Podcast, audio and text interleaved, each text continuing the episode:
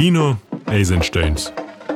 Filmu studiju Mistrus Mēdija, Kultūra Kapitāla fonds un Kultūra Elpa piedāvā sarunu par kino, cilvēkiem, filmām, rekvizītiem, kinokamerām, krāsām, naudu, mūziku un to, kas skatītājiem nebūtu jāzina. Izdomāt kino no jauna. Diskusija izdomāt kino no jauna ir iecerēta kā saruna, prognozes par to, kā kino izskatīsies nākotnē, kādas varētu būt nākotnes kino tendences, gan tā formas un formātu ziņā, gan arī domājot par tā nonākšanu pie skatītāja.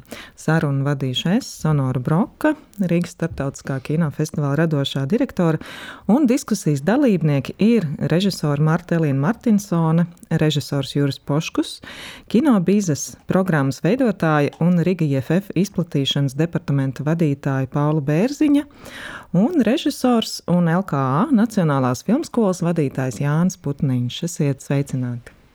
Sveicināti. Tāds uh, iesildošais uh, jautājums. Um, Ja mēs skatāmies šobrīd uz uh, starptautiskos kinofestivālos atzinīgi novērtētām filmām, tad uh, šobrīd ir nolasāmi vismaz divi kino virzieni, kas lūkojas pēc jaunas, vēl neapgūtas vai vismaz atkal no jauna atklājamas teritorijas. Tas ir body horror, transgresija vai arī nomoda sapnis, kā realitātes paplašinājums. Un tie ir tātad Žulija Dikurno, nu pat Kanu kinofestivāla laureāta, kuras darbos ir jaušam arī izteikta Davida Kronenberga ietekme. Tātad tas ir ne kaut kas pavisam jauns, bet atkal jaunatklāts. Un Taizemes kino režisori Apičatpunks, Vīras Etakuls, Taikijas Sakpisits vai arī atsevišķi Eiropas kino paraugu, kā Matija Diopas Atlantiks, kas mm, sasaucas arī ar postkoloniālismu kino savā ziņā. Kuram no šiem virzieniem, vai varbūt arī kādam citam nenosauktam, jūsuprāt, piemīt nākamības potenciāls? Marta, varbūt tu vari sākt šo. uh, nu, Es nezināšu teikt. Pirmkārt, es teikšu, godīgi, neesmu īpaši zinoša um, festivālu filmu tendencēs, jo es pārsvarā koncentrējos uz uh, vecu kino. Bet, um, nu, nezinu, piemēram, runājot par šo body horror virzienu. Nu, tāpēc, ka man pašai, piemēram, ir ļoti tuvs šausmu kino žanrs, man liekas, ka nu, tas ir kaut kas, kas ir bijis vienmēr, tas vienkārši pārveidojas. Tāpēc man ir tāda ticība, ka to mēs satiksim visu laiku. Un, piemēram, filma Titāns, tas jau piemēram, tas iet pāri šim, šī žanra kaut kādiem ietveriem. Tas, nu, tas ir kaut kas, ko es pat nezinu, kā definēt, bet tas ir noteikti kaut kāda jauna veida kino, kuram. Teiksim, tā, nu, manuprāt, nav žanra. Tas varbūt ir kaut kas tāds, kas ir vissvarīgākais, kad nu, tāds hmm, bez žanra uh, kino. Jāni, tu seko šobrīd? Aktuālā ja. kino norisē. nu, es neesmu redzējis tās filmas, ko tu pieminēji. Man nebija tāda sajūta, ka nu, tā būtu kaut kāda jauna tendence. Man liekas, tajā body horror žanrā jau nu, ir tik daudz pateikts. Un, un diez vai var, kāds var pārsist Sinja Cukamoto filmas, kas jau ir cik četrus gadus desmit atpakaļ taisīts. Bet uh, kaut kādā es tagad uzzināju, ka tā ir jauna tendence. Bet man, man liekas, ka filmu veidotāji visu laiku meklē kaut ko. Tagad uh, īstenībā man drīzāk ir kaut kāda strupceļa sajūta. No vienas puses ir kaut kāds tāds nu, ideoloģisks uzstādījums, kas vienmēr ir bijis. Ja, ir tāds pareizais kino ar sociālu tendenci, kas nav nekas, protams, nosodāms, kas tiek visādā veidā atbalstīts. Un ārpus tā ir ļoti grūti kaut ko interesantu saskatīt. Ja. Nu, tu iezīmēji body horror, bet uh, šausmu filmas vienmēr ir savu nišu ieņēmušas un vienmēr bijusi tāda ļoti pastāvīgs uh, skatītāju lokus, kas mūsdienās īstenībā ir baisais retums. Jo tā varbūt ir lielākā problēma, ka ir pazudis tāds nu, nišas skatītājs, tiksim, tas tā saucamais amerikāņu neatkarīgais kino ir mīris, kur pēkšņi likās, ka ir tas amerikāņu sapnis, tu vari sākt no apakšas, taisīt kaut kādas filmas un uh, izpausties tā teikt kino jomā, un saprot, ka tas vairs nav mūsdienās iespējams, ka tie noteikumi ir tik stingri un um, tās, tā struktūra ir tik noteikti, ka nu, par to var aizmirst. Un, un tad līdz ar to ir kaut kāda nezinu, taustīšanās meklējuma, jo manuprāt, tā cerība nekad nezūd, ka kino ir kaut kas notika, kaut kāds brīnums. Un, bet no otras puses, tās pārmaiņas ir tik nozīmīgas, un, un tas eh, tie kustīgi attēli ir, ir tādas transformācijas piedzīvojuši pēdējo gadu laikā ar visādiem sociālajiem tīkliem. Un, un, un atgriešanās ir pie pašiem kino pirmsākumiem, pie super īsiem darbiem. Uh, Es, es nezinu, atklāt sakot, kādas tās tendences. Es vienkārši skatos un klausos un brīnos, atklāt sakot. Pāli, droši vien uh, jums kinoteātra kontekstā ir jāsako līdzi uh, šā brīža kinofestivāla highlightiem, kurus tu saredzi kā tos uh, nākamā kino ceļa rādītājus. Es domāju, ka viens no tiem noteikti ir tas, ko tu iezīmēji, kas ir Taizeme un Āzijas kino, kas aizvien vairāk parādās kinoteātru repertuāros, sākotnēji kinofestivālos. Arī tajos bieži vien tagad ieslīd tomēr tas body horror. Um, un, un arī, piemēram, tagad tikko notikušajā Talants kino festivālā ļoti liels procents tieši nāk uh, ar filmām, kas ir no Āzijas valstīm. Es domāju, ka tas ir tāds pavērsiens, un arī, ja skatāmies uz kinoteātri, repertuāru un, un to, ko skatītāji patērē, tad uh, man šķiet, ka pēc parazīta daudziem radās arī uzticība šīm filmām, un, uh, un tāpēc arī tas skatītāju lokus eh, ir kļuvis lielāks. Par, eh, par body horror grūti vēl teikt, jo tas šausmu mm, ievirza Viņai ir viens, ir tas, kas ir komerckino parādās, kas ir pavisam citādāks. Tām skatītāja lokus ir diezgan plašs, jo viņš ir bieži vien izklaidējošs, bet tad atkal, ja mēs runājam par tādu arthouse apmeklētāju, tad um, tam, tam bieži vien tomēr tas nišīgais šausmu kino vēl joprojām mazliet atbaida. Um, man, gan, diemžēl, jā, man, man jāsaka, tāpat kā Marta, es ļoti cienu šausmu kino un man ārkārtīgi patīk, bet, uh, bet ne visiem ir skatītājiem tādas attiecības ar to. Um, tā kā, es domāju, ka tādas filmas, kurās tas ienāk aiz pamazām, um, skatītāji varbūt pieradina un tad rodas vairāk lielāku uzticību pret tādu. Bet, teiksim, šie te kritēriji, jauna forma, jauna kino valoda, vai viņi ir, ir nozīmīgi jums veidojot kinoteātra repertuāru un festivāla distribūcijas izlasi?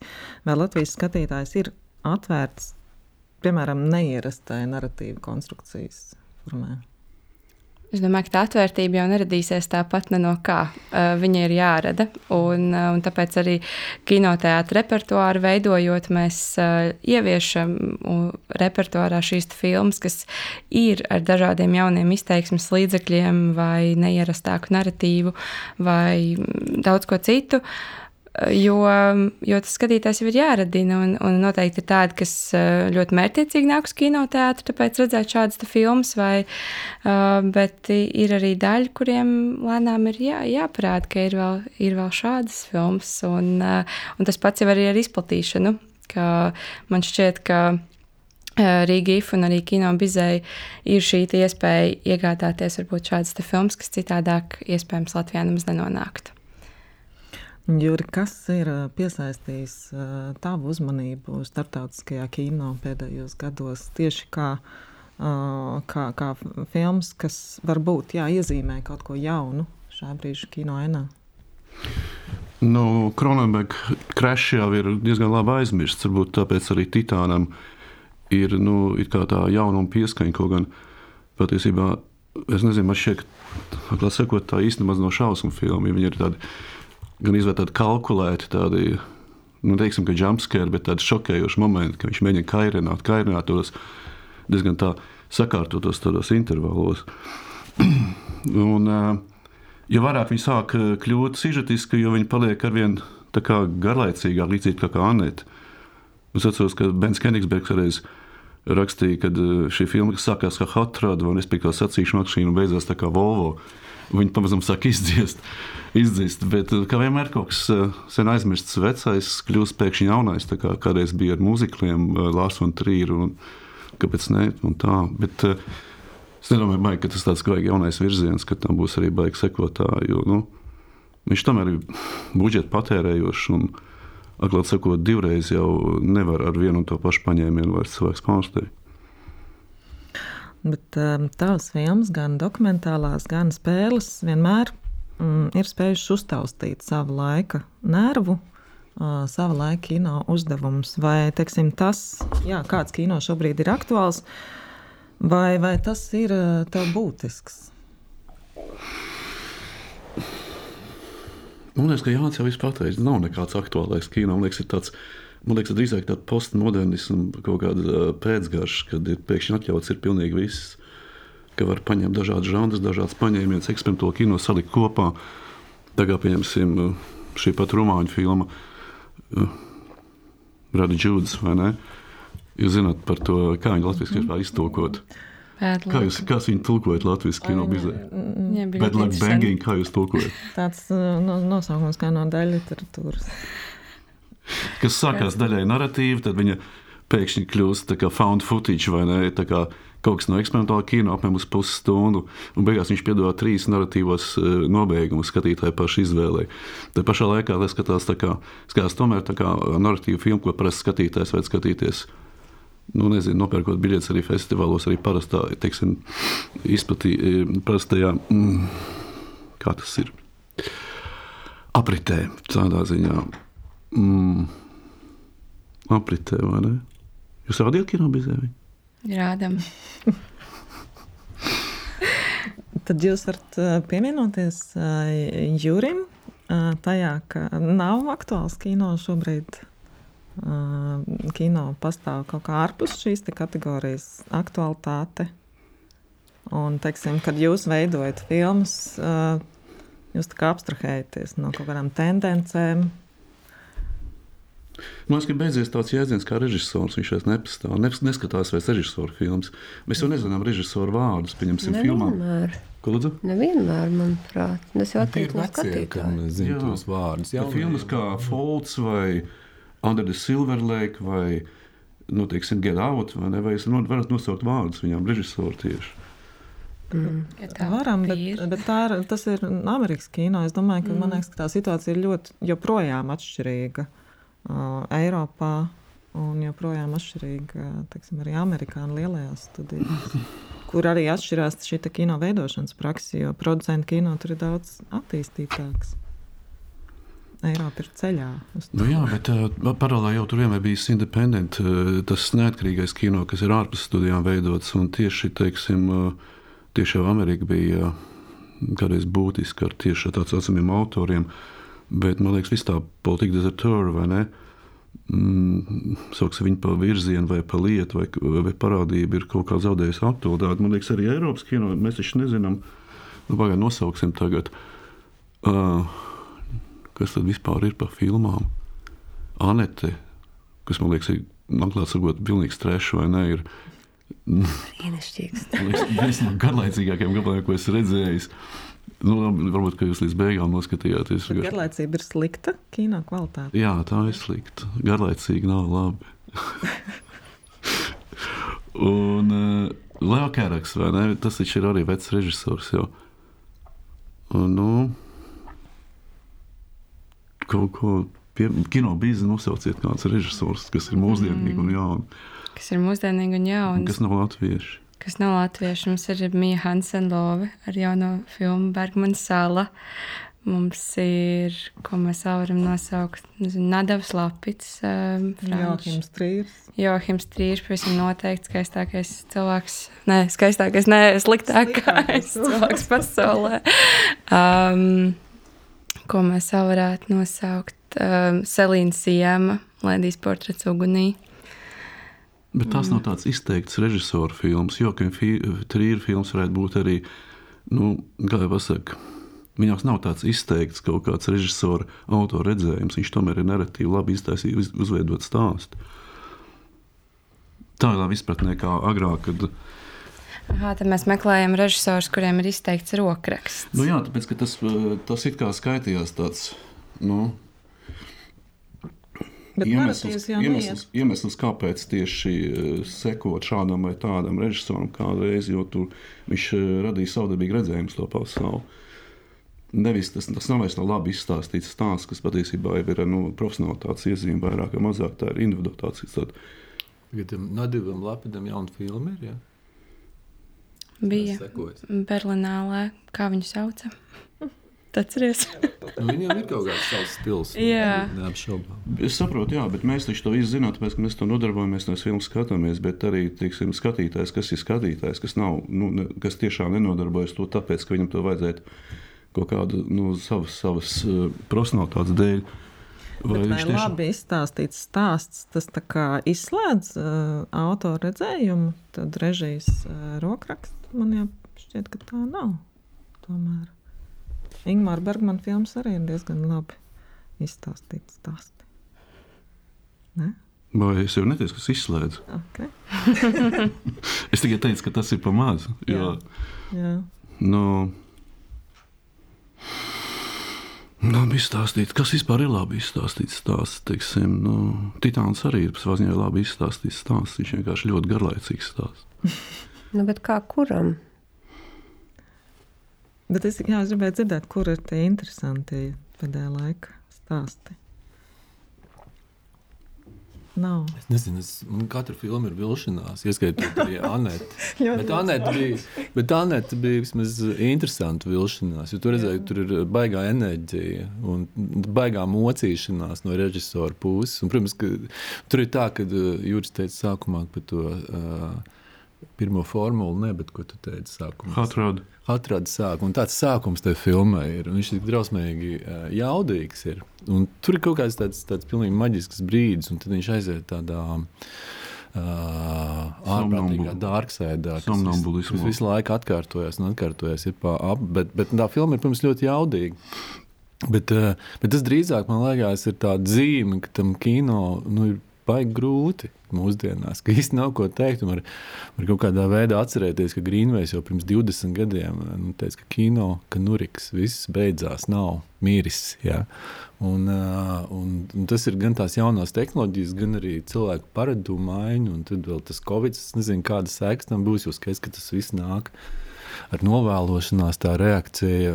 Tā jau nebija sevišķi daudz skatītāju. Es jau sonorēju, teicu, kāda jēga iet uz uh, festivālu, skatīties digitālas projekcijas, ja to var darīt mājās. Tad cilvēki sēž mājās un skatās uz savām planšetēm tās filmas. Tad, attiecīgi, tādas filmas viņiem arī patīk, kuras viņi var dzert kafiju, tur atpūst, paiet. Nu, nu, tur vienkārši pavisam cits enerģijas atdošanas līmenis ir uh, parādījies vai tajos, tajās kustīgajos attēlos. Tad, nu, tādas nu, pieprasa ļoti maz no tā skatītāja. Tāds pesimists klubiņš. Es esmu pesimists klubiņš. Es, es ne, ne, nu skaidrs, es nezinu, speak for yourself. Nē, tur jau tā, ka ki, kino ir nenormāli krūts, tur ir drausmīgi interesanti, daudz ko darīt ir. Uh, un, un man liekas, ka ir, nu, ja tā pastāvēs tā, globāli, man liekas, ka nu, jābūt kaut kādai revolūcijai, nu, kaut kāda, tā, tiksim, interesantuma virzienā. Uh, jo pašlaik varbūt ir bijis saplūdis kopā tas kaut kāds pseido-komerciālais kino, kas tiek taisīts par subsidēto naudu, par milzu naudu īstenībā, ar industrijas paņēmieniem.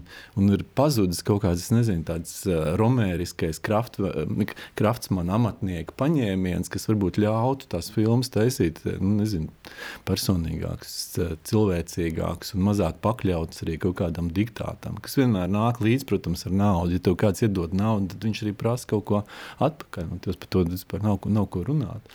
Un, lai cik labi izliktos fondi un kinocentri, viņi arī grib redzēt kaut kādu noteiktu veidu produkciju, kas atbilst kaut kādām noteiktām prasībām. Dvēseli pret naudu. Nu, tā varētu būt.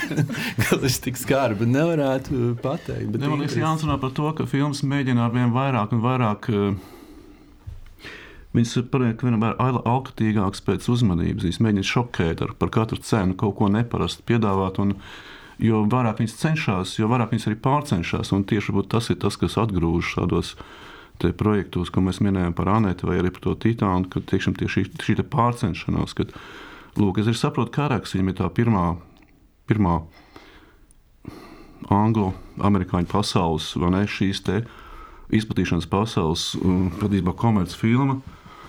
Nu, viņš arī tur ir mēģinājis savākt teiksim, atpazīstamību, vai ne? Tur aktieru un arī to pašu spārks un to vispārējo, lai tikai dievu dēļ tā filma aiziet kaut kur tālāk par festivāliem, jo viņai tomēr jāatpelnā tie līdzekļi, kas tur ieguldīti. Nu, un, lūk, un savā ziņā tā ir tā cenšanās to skatītāju uzmanību, kuram tas uzmanības koeficients paliek ar katru gadu vien īsāks un īsāks. Jo, pieņemsim, tādu seriālu pašlaik jau ir teiksim, 8 vai 12 minūtes gari. Tieši jauniešiem nevajag kā kādreiz bija teiksim, 25 vai pat vairāk. Tagad, lūk, ne? Un, varbūt, tas ir varbūt tas, kas, kāpēc, nu, par ko mēs arī runājam. Šī izmisīgā cenšanās pēc uzmanības rada tādu šis izmisums kaut kur savā ziņā iznāk priekšplānā, un viņš tāds ir mazliet atgrūdošs. Bet Marta ir optimists. Viņa grib kaut tieši... ko teikt. Oh, nē, es, neko. es vienkārši domāju, es daudz domāju par to, kad, kā Ridlijs Skots vainoja mileniāļus un viedtāluņus, kad izgāzās viņa ļoti sliktā filma Pēdējais duelis. Nu, tu nevari vainot skatītāju. Nu, skatītājs, kāds viņš ir, tāds viņš ir. Nu, ja tev nu, tā filma neinteresē, nu, viņš neies. Nu, nav vainīgi vietālu ruņi pie tā, ka Vecs kungs mēģinājis būt uh, lielais, nezinu, tur sieviešu tiesību aktīvists, lai arī skats, ka viņus neinteresē vispār.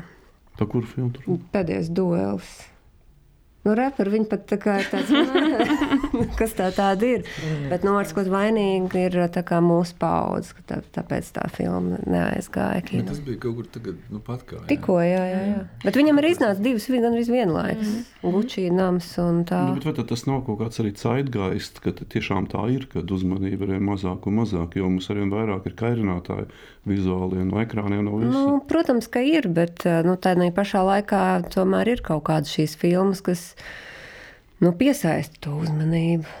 Kaut kas tāds nu, nav. Nu, nu, man šķiet, ka tas, kad. Uh, Pirmkārt, tas, ka ir tik normāli milzīga šī filmu pārprodukcija, ir ļoti liela problēma. Kad ir tā sajūta, ka visas filmas ir sliktas, jo agrāk iznāca tik un tik filmas, bija skaidrs, ka okay, šīs ir labas, šīs ir sliktas. Nu, es nezinu, tur apmēram puses puses, bet tagad iznāk tik milzīgs tas daudzums, ka 10% ir labas, 90% ir sliktas, lai arī pēc skaita varbūt tas ir tieši tikpat daudz, cik 90. gados. Man nu, nepatīk vārds sliktas par filmām teikt, ka viņas ne, nu, ir sliktas. sliktas. Ja mēs tā kā, nu, tā kā garlaicīgas. Nu, garlaicīgas ir labāk, jā. nu, tā, nu, nezinu, sliktas. Tā kā, zini, mazliet tā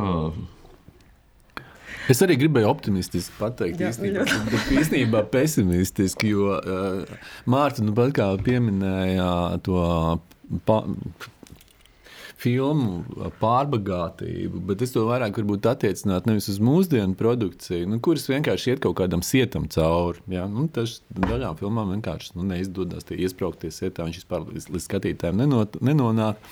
Uh, bet tas man mazāk interesē, man vairāk liekas uh, nu, brīnišķīgi, bet ar to ir jāsadzīvo arī mūsdienu kino veidotājiem. Tas, ka ir pieejams praktiski viss kino mantojums, pēkšņi viņš parādījies vienlaicīgi. Ja pirms tam to vajadzēja gaidīt, kad cinematēkā vai kādā arhīvā tiks rādīts retrospekcijas filmas un tam līdzīgi. Tad praktiski viss ir pieejams.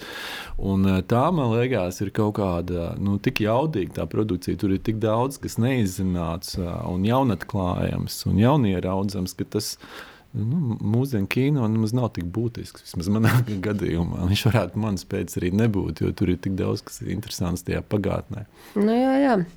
Un, ja man ir jāizvēlās, kā, nu, vai skatīties kaut ko, kas ir jauns, bet izskatās šaubīgi, vai es izvēlos, nezinu, noskatīties vēlreiz kādu, vai arī kaut vai pirmo reizi kādu no, nezinu, Vels vai Houstona filmām, protams, izvēlos Vels vai Houstonu. Nu, tā tas ir. Vairums tomēr tā nav. es teiktu, no kinoteātra vai no retrospektīvu veidošanas viedokļa, tad uh, cilvēki nāk uz jaunām filmām, cilvēki grib jaunu, viņi grib tikt pārsteigti, viņi grib visu šo, kas tiek veidots. Un, um, un tas, ka jā, ir šīs kino vēstures darbi, kurus ir vērts redzēt, protams, bet lielākoties tomēr nāk uz jauno. Un tad, ja mēs runājam par kādām senākām filmām, tad viņas ir īpaši jāiepako. Ir jātaisa kurētas programmas, retrospektīvas un tā tālāk, lai cilvēks ieinteresētu. Jo nu, mēs te runājam, mēs skatīsimies mājās šo un to, bet vairums tomēr tā nedara. Martai Cilvēki nāk uz to atvainojas. Martai nav, es skaidri to zinu. Martai ir jāiepako jaunās filmas. Kāda oriģināla ideja varbūt jums viņa nodara kaut kad. Bet runājot par, jā, par kino klasiku, par kino klasikas žanriem, Marta, tu savā filmā Tīzlēnas izmanto mūzikla elementus. Un ko tas nozīmē šobrīd strādāt ar žanru, ar klasisku žanru, cik elastīgas ir tā robežas? Nu, es ļoti elastīgs. Man liekas, ka tāds ir dara, ko gribi. nu, tāpēc, kad uh, mūzikls jau ir tik ļoti atdzīvojies pēdējos kaut kādos 20 gados, un tik ļoti teiksim, tā, iegājis atpakaļ mainstreamā, un tas, kas man ir svarīgi, iegājis atpakaļ pusauģu dzīves mainstreamā. Kā, nu, tiešām tād, nu, tā ir ļoti, protams, brīnišķīga sajūta, un arī biedējuši sajūta, tāds ka robežu nav. Nu, tu vari darīt, ko tu vēlies. Nu, Es šobrīd mēģinu rakstīt savu mūzikas scenāriju, un tas, ka ir tik daudz iespēju, ir arī biedējoši. Un, protams, ka ir kaut kāds rāmis, tad ir vienkāršāk. Seko noteikumiem, uztaisīt žanru filmu, bet tas jau nav īpaši interesanti. Nu, tā es domāju. Irāņiem tas bija ļoti veicinošs faktors, virs šie cenzūras ierobežojumi. Mm kur nevarēja, teiksim, nedrīkstēja rādīt sievieti ar vīrieti, pieskaroties vai kaut kādā veidā arī mm, visi šie politiskie un pārējie ierobežojumi radīja ļoti vizuālu valodu, kas iztika diezgan bieži bez dialogu. Ierobežojumi nav, nav slikti dažreiz. Teiksim, apsēties pie balts lapas un uzrakst kaut ko interesantu. Un viss ir iespējams. Var rakstīt, ko vai ne? Un, nu, jā, Nē, nu, tur jau tā lieta, ka nu, kā nu, tam, kas raksta vai veido, tam pašam ir jāizdomā mm. savi noteikumi. Un, nezinu, pārizmantotais eh, šķērslis ir aktieru draugs, un tāpat tās arī ierobežojumi savā ziņā ir kaut kāds veidošanas. Nu, labākais draugs. Tāpēc, nezinu, izdomāt taisīt filmu viena kadra veidā vai Tik, nu, tāds, ko tu izdomā sev kaut kādu veidu, lai tev ir kaut kāds nu, ievirziens. Bet nu, tas, ka nu, tīri teorētiski, piemēram, no žanra ietvaros, man liekas, ka nav, nu, nav tādu obligātu noteikumu. Vairs nav obligāti jāpaliek nezinu, dziedošajam pārim laimīgi kopā, kā bija 30. un 40. gados. Un pirmais, pirmais teikums, ko uzrakstus uz tās baltās lapas, jau ir ierobežojums Viņš jau prasa nākošo teikumu, kas ir saskaņā. Vai mm. kaut kādā veidā turpināt šo domu. Un jo vairāk raksta, jo vairāk pariek to ierobežojumu, kur mēs paši radām. Nu, tad mēs pie daudz cienu atgriežamies. Agri vai vēl? Bet domājot par kino, kas izvēlas iet uh, ne konvencionālo ceļu, uh, visi lielie kino manifesti ir jau palikuši 20. gadsimtā, un filmdari izvēlas šie nekonvencionālā kino filmdari. Man vismaz ir radies tāds iespējas, ka šobrīd izvēlas sakot nevis novitātēm, bet drīzāk iedziļināties jau pastāvošajā, piemēram, eksperimentālā kino arsenālā. Mākslinieki kolektīvi uzstājas ar performancēm, tieši miedarbojoties ar uh, filmu. Nu pat kā savu filmu ar 1921. gada kameru sākus uzņemt Signa Birko, kas savā filmveidē arī nereti izmanto eksperimentālā kino paņēmiens. Un, Jāni, tāpēc es gribēju jautāt tev, kas ir būtiskie atspērienu punkti eksperimentālajā kino šobrīd? Vai tā ir tehnika, kāda šis kino tiek uzņemts, vai tā ir pati lentes materiālitāte, un ko tas sevī ietver veidot eksperimentālo kino 2021. gadā, jeb 2020 otrajā gadā. Nu, jā. Nu, es mēģināšu tā īsi atbildēt. Pirmkārt, jau nekas Sigma galīgi nepiekrist, ka tas ir eksperimentālais kino. Es jau nesaku, tas, es saku, viņi reizēm izmanto šādus Viņi paņēmienus. izmanto, bet šī filma uh, noteikti ir, nu, to uzskatīt par analogā. Jā. Veidā veidot uh, filmu. Uh, tas, protams, nav vienādības zīme ar, ar eksperimentālu. Manā skatījumā protams, tas ir ļoti radikāls. Tā, tikai tās filmas, kas ir veidotas. Um, Uz filmas ir filmas, pārējos mm. mēs varam nosaukt, nosaukt par digitālām digitāliem kustīgiem attēliem, bet ne, šajā ziņā es esmu diezgan uh, radikāls. Uh, bet es domāju, ka ļoti daudz cilvēku pēdējā laikā ir sapratuši, ka ir milzīga atšķirība starp analogo attēlu un digitālo attēlu. Un to jau liecina arī tas, nu, tā, tās intereses uh, pieaugums attiecībā pret uh, analogu filmu veidošanu. Uh, nu, kaut vai tāds piemērs, ka es vairs nevar, nav iespējams boleks atrast eBayā par saprātīgu cenu, jo šīs cenas ir pieaugušas nenormāli pēdējo pāris mm. gadu laikā.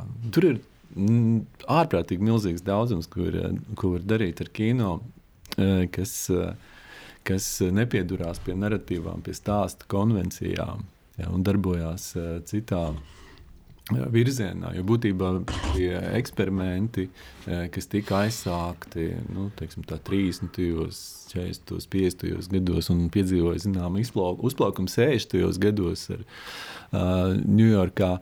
Uh, viņi ir joprojām turpinājušies, bet tādā ļoti uh, marginā, marginālā veidā. Tā ir, uh, manuprāt, absolūti neizzināta pasaule Eh, ka, kur varētu eh, nu, kaut kādā veidā. Kas varētu piedzīvot zināmu veidu revolūciju? Iespējams, tas ir tāds optimistiskais skatījums. Eh, es arī ļoti ceru, ka, no, turie, ka tur radīsies daudz interesantu darbu. Palielinājusies ļoti tā attīstība. Palielinājusies. Ja, nu, Redz, tu, tur jau ir tas ir lielā mērā saistīts ar to, cik, cik vai tu esi starmeša gaismā vai nē. Un, ja teiksim, 60. gados varēja runāt, zināmā mērā teikt, ka viņi nokļuva starmeša gaismā, lielā mērā pateicoties nu, tādām popkultūras figūrām kā Endijs Vorhols un Joko Ono un Džons Lenons, kuriem bija interese par eksperimentālo kino. Uh, tad pēc tam nu, tas viss ir ie, ie, likumsakarīgi nokļūst tur, kur tam jānokļūst, jo tā saucamajam parastajam skatītājam, kurš ir pieredzējis pie pie pasīvas kino vērošanas un stā, sekošanas stāstam, nu, tas ir nesagremojams lielums. Nu, absolūti nesagremojams, kas prasa nu, ļoti nopietnu sagatavotību. Ja. Uh, līdz ar to nu, pat, tur nav iespējams uzstādīt tādus mērķus, ka tas varētu uh, būt uh, nu, plašam patēriņam domāts. Ja. Tas vienmēr būs teikt, margināls. Bet uh, nu, es ceru, ka tur radīsies daudz, daudz interesantu darbu tuvākajā laikā. Nu, filmas, ko mēs te pieminējām, pirms tam lielākā daļa no plašām patēriņiem domāts arī Jā, tā ir cita, tā ir cita pasaule. Tā ir cita pasaule, un tie ir atsevišķi brīnumi, kas notiek, notika tajā laikā. Protams, Orsona valsts stāsts ir ļoti sevišķs. Ja? Bet eh, tāda brīnuma jau notika arī pirms tam, kad eh, cilvēki izdomāja vienkārši pagātni mecenāt, un šajā gadījumā Uh, tas bija RKO studija, kur nesaprotamu iemeslu dēļ, kas iedeva Orsonam Velsam kārtu planšu. Tad pirms tam bija teiksim, barons no AIS, kurš atbalstīja Buņģēlu, piemēram. Un drājeru, un teiksim, tā tādi brīnumi notika arī tajā. Vai Fons Fittinghovs arī. Jā, nu, tas bija Baltāram. Jā, tieši tā. Viņš, ap citu, ir Latvijas baltvācietis. Ja nemaldos, Fittinghovs bija alūksnes mūžs.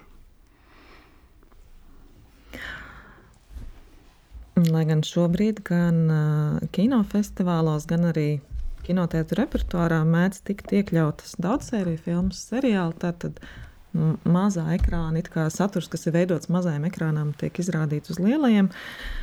Ir novērojama arī pretēja virzība. Tātad kino estētikas pārbīde mazā ekrāna virzienā ir, ir arī ievērojami režisori, kas veido filmas jau speciāli mazajam ekrānam. Tātad ar domu, ka viņas tiks skatītas nevis kinoteātrī, bet gan tiešsaistes platformā. Kāda ir jūsu nostāja? Nu, varbūt nojaušu, varbūt Jāņa nostāja. Bet kāda ir tomēr jūsu visa nostāja? Vai tā ir kino profanācija, jeb tomēr jaunas auditorijas apgūšana un ieguldījums VOD platformu kinematogrāfiskajā kvalitātē? Nu, kaut kā jau tas skatītājs ir nu, jāsasniedz. Nu, es, ka katrs dara to, ko var. Bet, uh, Nu, nezinu, nu man reizēm biedē tas, ka uh, jebkura jauna lieta, kas iegūst popularitāti, kļūst par kaut kādu bubuli. Tāpat tās kā nu, domāju, ka mēs visi nomirsim, kad ieviesīs elektrību, nu, mēs nenomirām. Tāpat tās kā teātris nogalinās televīzija. Nu, mainās, nu, mainās visas tās lietas, bet nu, tas teātris joprojām nav nomiris. Nezinu, varbūt kāda cita teātris profesionāļi uzskata, ka ir nomiris, bet nu, viņš joprojām darbojas. Cilvēki joprojām iet uz teātri. Tāpat tās arī, nu, arī mazāk cilvēki joprojām iet uz kinoteātriem. Nu, tas, ka tiek vairāk veidotas filmas priekš um, šīm straumēšanas platformām, no agrāk tika veidotas stretu DVD un stretu VHS filmas. Un, piemēram, kaut kāda puse no Netflix produkcijas ir tas pats, ko agrāk varēja nopirkt pa vienu eiro. Es, uh, DVD kastēs un nopērts un domā, kas ir šis ārprāts. Nu, tas pats ir pusi no Netflix oriģinālā satura. Nu, vienkārši tas ir kaut kādā veidā izmainījies. Nu, bet nu, labāk jau, protams, nu kā, nu, ja, tu, te, ja tev ir konkrēts mērķis, ka cilvēks zina, ka viņš veido, piemēram, tieši Netflix filmu, nu, protams, ir labāk viņu filmēt, tad tā nevis nu, speciāli domāt maziem ekrānam. Tomēr atšķirības tur ir. Nu, ko. nu, es nezinu, vai tas ir slikti vai labi. Nu, labāk vispār veido filmas. Nu. Jums nav tāda sajūta, ka man teiksim, personīgi, kad man visai patīk iet uz kinoteātru, sēdēt ar svešiem cilvēkiem tumsā. Ir daudz foršāk skatīties uz datoru, pat ne uz, pat ne uz lielā tā saucamā tā monitora. Nopietni, vai ne? Un tur Nu, tas ir gan, gan, jo kaut kas nu, man reizēm aizejot atkal uz kino, ir tā, ka uh, ir tas aizkustinājums, ka tu, mm. tā, tā kā bērns tā, oh, Dievs, tas tā viss tā, tā lielā emocijas, piemēram, aizgāja uz tādu nu, vienkārši klasisko blogbāstu kā kāpa, un es izgāju vienkārši uzlādēt, jo es sajūtos tā, kā es sajūtos, kad es pirmo reizi bērnībā gāju uz kino, jo tas ir kaut kāds tāds piedzīvums. Bet es pilnīgi piekrītu to, ka it sevišķi, ja ir kaut kādas nu, filmas, kurām gribas tādu pilnīgu mieru, tad labāk ir viņas pat reizēm nostīties mājās. Tad neviens, nezinu, kādam nezvanīs telefons, kāds negrauzīs popkornu, noskaitot varbūt pats, bet tas jau netraucē nekad. Un, ja viņa ir garlaicīga, kas ir, manuprāt, 90% filmu, tad viņi var vienkārši neskatīties tālāk. Vai arī, nezinu, mazgāt par paralēlu veļu. Man patīk, ka mēs esam nonākuši Nē. pie tā skaidrā procenta, jo tas tomēr mierina. Mm. 90%. 90, Bet kinoteātrī tas spiests noskatīties tomēr līdz galam to filmu, kas, manuprāt, arī ir ļoti būtisks aspekts. Nevis vienkārši padoties un iešu mazgāt veļu, bet palikt tajā krēslā. Un tomēr, ja mēs esam no, atnākuši noskatīties, at, atnākuši noskatīties to filmu, tad mēs viņu arī noskatāmies. Atgriežoties pie tās eh, kinoteātras skatīšanās, es tomēr gribu šim te pesimista klubiņam iebilst, ka filmas tomēr man šeit ir. Es nesaku, ka ir jāskatās Netflix vai kaut kādi Instagram seriāli uz lielā ekrāna. Tomēr man šķiet, ka filmas atstās daudz paliekošāku nospiedumu un atmiņā vairāk paliks un radīs spēcīgāku līdzpārdzīvojumu, ja mēs tās redzēsim uz lielā ekrāna ar visu atbilstošo um, 5, 1 vai 7, 1. Es piekrītu, un... bet uh, tad es arī ļoti labprāt gribētu, lai viss kinoteātris piedāvātu šo iespēju, šo pareizo skaņu šīs filmas, piemēram, noskatīties. Nevis tā, ka ir viena vai divas zāles Latvijā, kas dod šo ekskluzīvo iespēju. Tad skaņa ir faktors. Protams. Kāpēc tu iesi vai neies uz filmu? Nē, es nē, viens ne, no, viens no. Viens no. Un arī tas, ka nu, es mēdzu izvēlēties, kur kinoteātris, kur filmu iet skatīties, zinot zāles specifiku. Un, piemēram, kino bizē man ļoti patīk iet uz šīm retrospekcijām, jo man ir sajūta, ka es ar tādu draugu bariņu kā mājās sēdētu pie lielāka ekrāna nu, gan es gāju, kad bija Hitchcockams šī programma vai Skorsēzes. Un tāds, ka tu tiešām nepazīsti šos cilvēkus, tas tādā draugu kompānijā, jo viņi visi ir atnākuši skatīties tieši šo filmu. Nē, noteikti kinoteātris piemeklēšana filmai tas ir uh, pareizais ceļš. Es domāju, nu, kā piemēram kāpu vai kādu mārvelu, nu, mēs neiesim skatīties uz Splendid, un Splendid arī to nerāda. Bet uh, tāpat arī fórumā. Kāpu nevarētu rādīt oh, Splendid. Tāpēc, ka tā, tur ir ļoti specifiska skaņa. skaņa. Jā, viņi ir jārada. jārada un skaņa tiešām bija viens no primārajām. Es jūtu pirmo reizi, ka man tā kā caur mm. visu ķermeni iet šis uh, skaņas vilnis, ka nu, es nevaru iztēloties, uh, kā būtu to filmu skatīties bez šī efekta. Jo pat mājās klausoties, piemēram, Hans Cimera iespaidīgo skaņu celiņu, viņš nu, uz manām tumbiņām tā, nu, nu ir ok, bet uh, tas nav tas. Bet man zina, kas man patīk, kā sakot, ka tas Eiropas kino ir mazliet sarosījies. Jo skatījos tajā EFAS, kas ir tagad Eiropas Kino akadēmijas. Tiešām ir interesanti gabali, gan tas, tas pats, ko mēs teicām par to rumāņu filmu, tas Bedlāk Banging vai tā filma Father. Ļoti dīvaini. Vai tu zini, Jānis, tādu? Hmm. Mm. Šis tēls, kas slimo šizofrēniju, ka viņa subjektīvās, subjektīvā atmiņa sajaukt ar, teiksim, ar objektīvo. Uh, tādā jau tādā ļoti jocīgā, tādā, bet, ne, bet ne mistiskā, vai mis, mis, ne, ne mistik, mistiskā manierē. Tur bija arī ļoti forši, interesanti bija filma tā Somu, kā viņi saucās, Compartment numur 6, kupē mm -hmm. numur 6. Tas viss, vispār, tas viss ir interesants filmas salīdzinot ar iepriekšējiem gadiem, kur dominēja šis sociālais motīvs, vai ne šī sociālā atbildība, vai arī šis pārspēlētais realisms. Tur ir interesanti gabali. Pat arī tā lēmpa, vai ne, kas ir. Lēm... Islandes, jā. Nu, tie jā. ir tie jaunie Eiropas. Nu, tieši tā. nu, jā, jā, bet tas nav tā kā tāds autoru kino. Mēs, tas nav autoru kino, mēs sākam to visu, kur pieņemsim, bet tas ir kaut kas cits, vai ne? Nu. Nu, ļoti bieži tie, nu, kā lai pasaka, nu, tie, tas filmas, kas tiešām ir nozīmīgas un bijušas, nu, tā kā, teiksim, Boys Don't Cry, vai ne? Uh, Kas tagad zina, kas ir Kimberlī Pīrs šādu vārdu un ko viņa pēc tam izdarījusi? Tas nav tā kā režisora kino, kas ir ļoti liela noma, tiksim, tādā feminismu vai ne. Diskursā bija kādreiz, kur vīriešu pasauli bija rādīta kā uh, izvarotāja pūlis, nevis, kas beidzās ar slepkavību. Jūs zināt, tādu globālu boizdomu krāju. Mm -hmm. Ļoti 99. gada filma tāda, vai ne, bet Kimberlī Pīrs tā kā pazuda vēstures mēslēnē. Tā kā nevienmēr šīs, ne, ne, nevaram runāt par tādu politiku dezetūru, ka es sāku šo visu tā kā tādā klasiskā nozīmē. Tas nozīmē, ka filmas ir sliktas vai ne, ka viņas ir garlaicīgas. Protams, ka ne jau viss ir garlaicīgs, 10% ir. Bet e, tur šie 10% savā ziņā, ja paskatāmies uz EFS, visu to selekciju, tad tiešām tie ir 10%, ko ir vērts redzēt.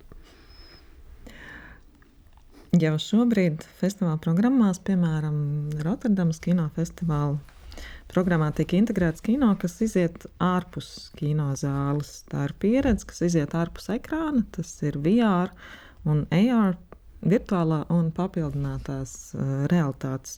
Vai jūsuprāt, uh, šiem abiem virzieniem ir paredzams līdzīgs scenārijs, kā, piemēram, 3D kino, paliekot vairāk tādā attrakcijas līmenī, jeb arī papildinātā realitāte ir uz palikšanu kino kļūstot par tā pilntiesīgu rīku, par filmveidas atzarojumu. Tas man skaties. Jā, um, Grūti spriest, tā uzreiz teikt, vai paliks vai nepaliks. Nu, tas tā, tā ir tikai tāla prognoze. Šobrīd man prognoze. ļoti liels mm. spiediens. Mm. Mēs to varam neteikt nevienam ER veidotājam. Jā, aha. Um, es domāju, ka tas neiet tajā virzienā, kur iet kur gāja un joprojām ir 3D, ka tā ir tāda konkrēta izklaide, jo tas saturs, kas tiek piedāvāts, bieži vien uh, nav izklaidējošs. Viņš bieži vien vairāk līdzinās um, pat arthouse kino, un, uh, un arī tie autori bieži vien mēdz pārklāties, ka tie ir tie paši. Kas iepriekš ir strādājuši, piemēram, Eiropas uh, mākslas kino lauciņā. Es Mm, es nedomāju, ka viņš varētu aizstāt vai vienlaicīgi būt tikpat pieprasīts kā mm, vienkārši kino apmeklējums, bet man ir rodas sajūta pēc visiem kinofestivāliem, kas pēdējos gados ir notikuši, un arī kā kinoteātris attīstās, ka tas ir vēl tāds atsevišķs lauciņš, aptuveni tāda ka varētu būt, ka tiks veidotas nezinu, mazas zālītes papildus uh, kinoteātriem, kur tiek demonstrēts arī šis VR un AR. Um, vienkārši paralēli tāda, varbūt pat neizklaide, bet papildus vērtība tādam kino apmeklējumam, kas ir tajos pašos kinofestivālos, kad tu nākot uz kādu filmu, vari pirms tam aiziet un noskatīties tur, teiksim, 10-15 minūšu uh, virtuālās realitātes pieredzi. Es, jā, es domāju, ka tas ir tāds jauns lauciņš, bet uh, viņš nevienā brīdī varbūt nedominēs. Viņš tomēr ir process, kas prasa ārkārtīgi lielu precizitāti līdz mikronam, ļoti smagnējs process un prasa liels ieguldījums. Un, manuprāt, varbūt drīzāk viņš varētu um, veidoties kā šāds teātris iestudējumu transformācija, pieņemsim, jo teātris izrāda, kas notiek Mīnhenē, mēs viņu varam redzēt šeit, vienkārši ar brillēm un austiņām, tajā pašā vajā realitātē. Ir kā vienlaicīgi vai operas vai šādi notikumi nu, kas neprasa arī šādu ierakstu pēc tam montāžu. Manuprāt, arī tas 3D kino jau arī bija pietiekami smagnējs. Mm. Un līdz ar to ne, bija vienkārši par sarežģītu, lai veidotu narratīvus, kur tas nebija tik ļoti nepieciešams. Tad mums vajag tādu kristāla bumbu, visas tādas savas prognozes par nākotni izskan.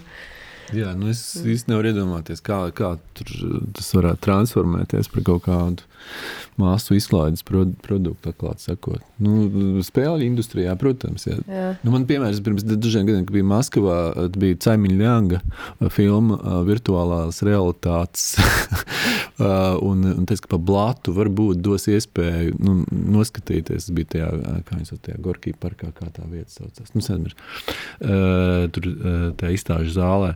Bet, nu, diemžēl, Tas nav iespējams, tur ir ne, vienas tās brilles, mm. ierobežots cilvēku daudzums, un at, attiecīgi tas nekad nebūs uh, masu pa pasākums. Es, es tos at, atgādinu ar uh, man drusciņa Edisona kinematoskopu pirmo tā teikt uh, kino izrādīšanas iekārtu, kur viņš bišķiņa aizšāva garām un rādīja būtībā tādā nu, kastītē, kur viens cilvēks tikai varēja skatīties, un, un, un tā virtuālā realitāte ir tāda, un tur neko nevar darīt. Spēļu industrijā brīnišķīgi vajag sēžēt mājās, lieciet brilles, iziet cauri dažādām vidēm, bet kā, mm. kā filmas. Bet no nu, nākamā paredzēt mums nav lemts, vai ne?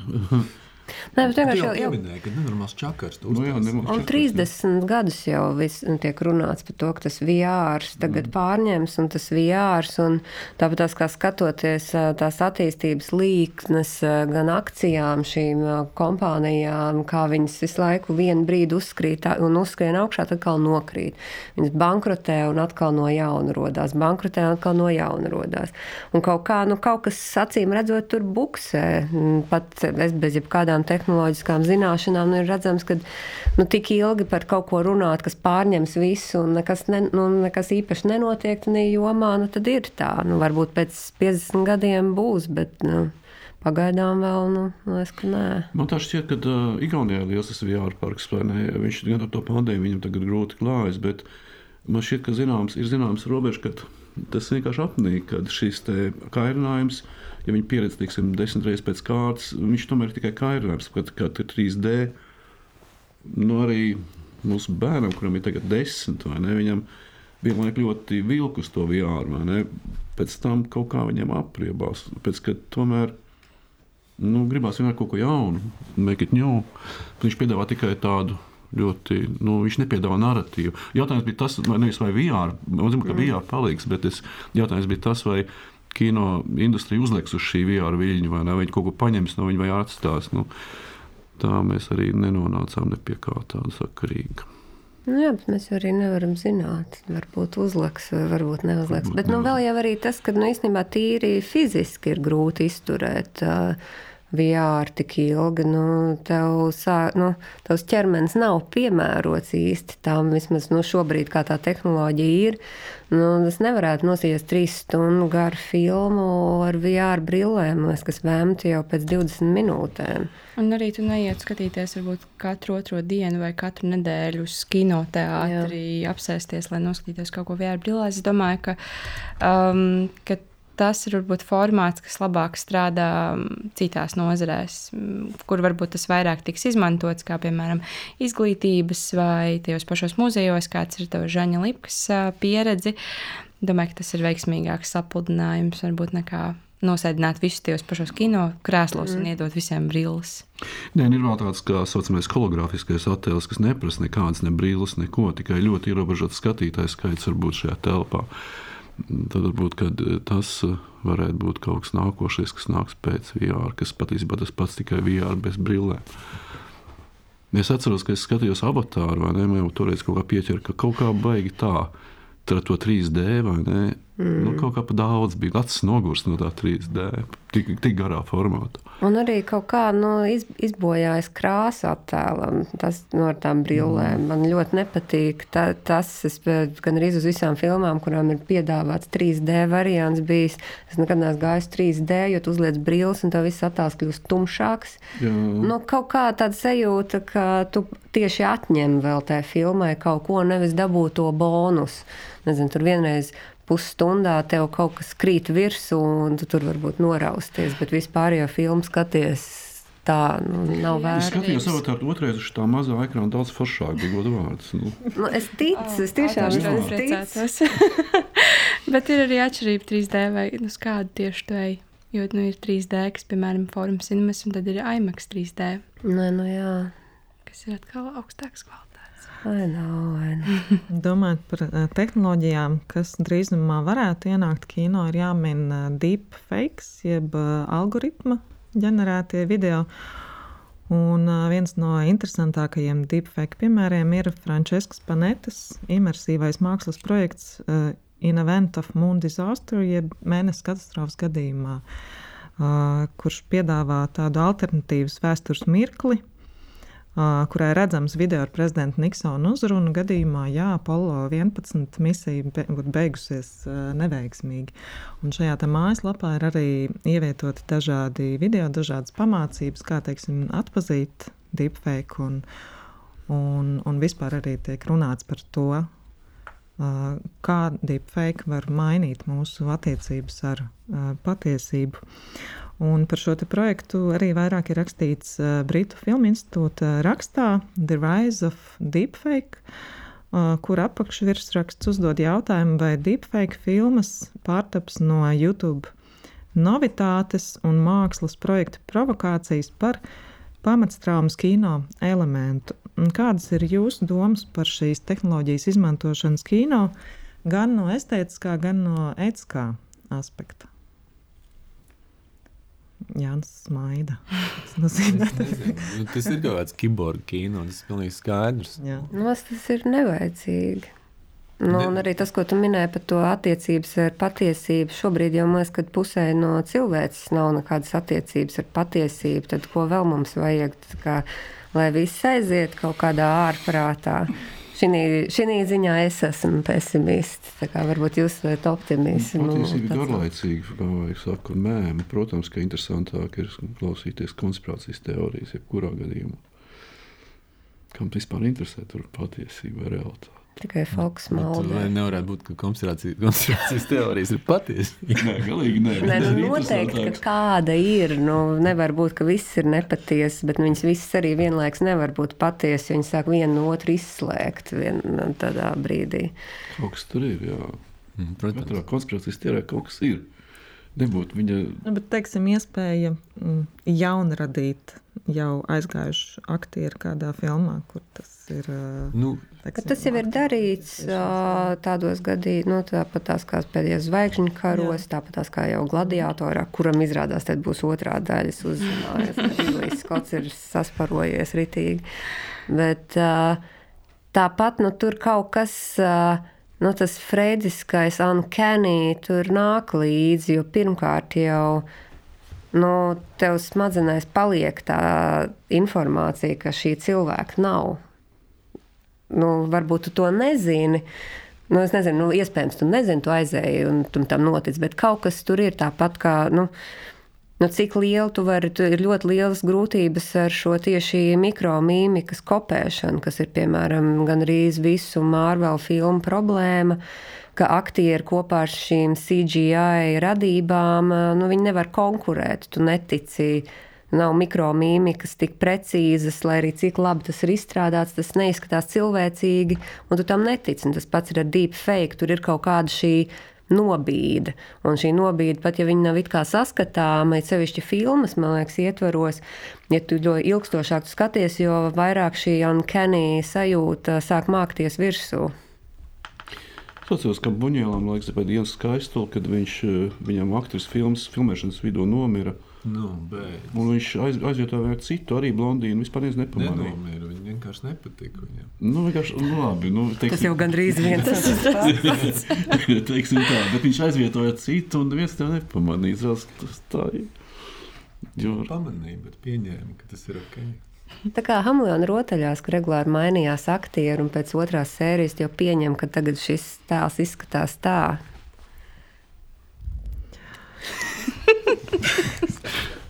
Nu. Šis random fact. Es domāju, ka visos šajos bezgalīgajos seriālos šis te, tas, eh, Nē, nu, tur jau arī tā problēma, ka mirst, jo viņus filmē joprojām. Tas spēj Nē, nu, nu, nē, nu, tā kā of Our Lives iekrīst komā, pamostās kā cits un pilnīgi normāli. Tas ir. Nē, nu, tas makes sense, ja tu esi sadedzis un tev ir uzlikta tā cita seja. Jā, protams, tad, tad jā, bet ne jau vienmēr tā. Aktierim ir arī dabīgs, tā Coronation Street, vai ne? Šis slavenais seriāls, kas man Lietuvā liekas 80 gadus non-stopā. Viņam tur aktieri dzīvo un mirst, un tas ir pilnīgi normāli. Mm. Kā uz ekrāna atkal dzimst jaunu, un tā viss turpinās. Mm, Tas visam liekas, beigas ok. Gēteburgas festivāla publicētais Nostradamus ziņojums, kurā viņi kā mēģina apkopot savas prognozes par to, kas ar kino notiks tuvākajā nākotnē. Šis ziņojums akcentē mazā ekrāna nozīmi tuvākajā nākotnē, tādēļ, ka tehnoloģiskie jauninājumi turpinās aizvilināt jauniešu auditoriju no tradicionālā audiovizuālā materi materiāla patēriņa vietnēm, teiksim, no kinoteātra. Viņi būs pieraduši pie šī te, uh, komfortablā ekrāna, kurš ir pieejams mājās. Tādēļ uh, viņi saka, ka kino izplatītājiem ir būtiski iedziļināties auditorijas paradumos un izmantot šīs zināšanas, lai vispār paliktu tirgū, lai vispār kinoteātri būtu kā, kā fakts, kā realitāte. Un Pauli no sākuma es vaicāšu tev, gan kā kino bīze, gan Rigija FF distribūcijas procesu pārzinātāji, cik optimistiski jūs esam, es, jūs esat, man patīk, nu Tas- pārklājās man savas tas. Sajuka lomas. Nē, Cik, cik optimistiski jūs esat, ja mēs runājam tieši par gados eh, jaunāko auditoriju? Un kāda ir tava nesenākā pieredze ar filmu Spogulī publicitātes kampaņu, kurā bija iesaistīta arī TikTok? Oh, cik labs jautājums. um, esmu ārkārtīgi optimistiska par to, ka jaunieši tomēr nāk un skatās kino. Un, uh, jā, protams, vilinājums uz uh, jaunām citām platformām pastāv. Bet tas, ko mēs kā kinoteātris vai kā izplatītāji nedrīkstam darīt, mēs nedrīkstam apstāties maliņā un skatīties, kā Netflix, TikToks, eh, vienalga kas vienkārši velk prom to auditoriju. Jo, ja tā būs, tad, tad tiešām šie jaunieši un bērni vairs nenāks uz kinoteātriem. Bet, ja mēs strādāsim un eh, radīsim šo te interesi par to, ka kino joprojām ir jāapmeklē un ir labas filmas, ko redzēt uz lielā ekrāna, tad tā interese nezudīs. Ar to vienkārši ir jāstrādā. Un, um, es dzirdēju arī te iepriekš sarunā, un, uh, un arī pāris rakstos ir izpaudies tas, ka, ka jaunieši vairs negrib skatīties filmas uh, tumšā zālē ar daudz svešiniekiem apkārt. Um, Es tam absolūti nepiekrītu, un es uztaisīju aptauju. Uh, mums, bija, mums ir jauniešu kinoskola, kinoteātrī, kas arī, protams, ir uh, neliela auditorija. Tomēr uh, ir jaunieši, kas nāk, skatās filmas tumšā zālē ar daudz svešiniekiem apkārt, un viņiem tas patīk. Uh, protams, ka varbūt tā auditorija sarūk palēnām, bet tas, tās izmaiņas nav tik drastiskas, kā uh, daudz kur tiek solīts. Uh, un kas attiecas, tas bija tāds ievads, un kas attiecas uz uh, spogulī, uh, tad patiesībā um, šī filma bija ļoti pateicīga tieši strād, strādāšanai ar jauniešu auditoriju, jo pirmkārt viņi ir pazīstamajā selfija estētikā. Uh, un otrkārt, jā, mēs uztaisījām šo TikTok kampaņu, kas šķiet mazliet komiski Lēlai pakalniņai, autoru kino pionierei taisīt TikTok kampaņu un pilnā nopietnībā to darīt. Uh, tas bija arī jauns profesionāls izaicinājums, bet, uh, bet uh, mēs taisījām arī uh, influenceru un, uh, un tādas jauniešu fokus grupiņas, kas nāca skatīties filmu kinoteātrī. Un viņi minēja, jā, ka viņiem šāda filma tieši šķiet ļoti saistoša, tāpēc ka, tāpēc, ka viņa ir pazīstama un viņā piemēram, tieši spogulī iezīmējās tas TikTok. Kaut, tas TikTok kaut kāda kustību savādums, kas ir raksturīgs tikai šai platformai, bet tas iemiesojas arī spogulī. Pirmkārt, otrkārt, ka viņa ir um, komiski, bet tomēr negluži smieklīgi, ko, ko izcēla pāris jaunieši. Un, uh, un vispārīgi, jā, tas tāds. Uh, šīs platformas, kā TikTok vai Instagram, un visas eh, rīlus un, un visu pārējo, to var ļoti labi izmantot, lai uzbūvētu pasauli ap šo filmu. Piemēram, Snigbaltīte dejo fitnesa zālē. Ok, mums ir šāds video, bet viņš noved uh, tos jauniešus un tos skatītājus līdz kinotētram. Tas ir arī būtiskākais. Kā, neabstrahēties no šīs tēmas kaut kādas tās digitālās pasaules un teikt, ka tas vispār nesaskan ar kino. Manuprāt, ir jāsapludina šīs pasaules un jāizmanto to, ka ir šī iespēja strādāt ar šīm platformām, jāveido viņām saturs, lai gal galā ar to saturu atvalināt līdz tai zālei un līdz tam kinoteātrim. Cikot, Tums ir jaunatnes draugs, tās varētu būt uh, kinobijas tēkreklis. Jā, es domāju, ka mums ir daudz tēkreklu, kas šobrīd, šobrīd nu, tur jau nu, tieši tā, nu nav tā, ka jaunieši neiet sevišķi tā kā. Nu, ir vienkārši ir nepieciešams arī saturs, kas viņus uh, uzrunā. Nu, labi, nu, protams, kad uh, visi iet uz Marvel filmām, un, nu, bet no otras puses, nu, labi, mēs varam par to kā besīties. Nu, es pat nebesos, jo man ļoti patīk mākslinieks filmas. Uh, bet uh, viņi aizejot uz šo, var arī pas, nu, gribēt redzēt vēl kaut ko. Nu, viņi nonāk ne kinoteātrī šākā tā. Un tas ir kaut kas, nu, jaunieši jau nu, nav tā, ka viņi sēž nezinu, tikai savā telefonā vai sēž mājās. Nu, viņi arī viņi satiek draugus, viņi grib kaut kur iet. Problēma šobrīd ir tāda, ka lielākā daļa no jauniešiem nav vakcinēti. Viņi vienkārši nevar iet uz kinoteātriem. Nu. That's it. Nu. es gribētu piebilst vienu lietu, ko Pāvils pieminēja. Kas tad ir tas, kas to kinoteātri padara tādu sevišķu? Jo tā ir, man liekas, milzīga problēma. Pašlaik jūs runājat par to, par pielāgošanos jauniešu auditorijai, bet kā uzrunāt, nu, radīt kaut ko tādu, kas, kas atšķirtos no tā, ko viņi varētu redzēt uz tele, telefoniem.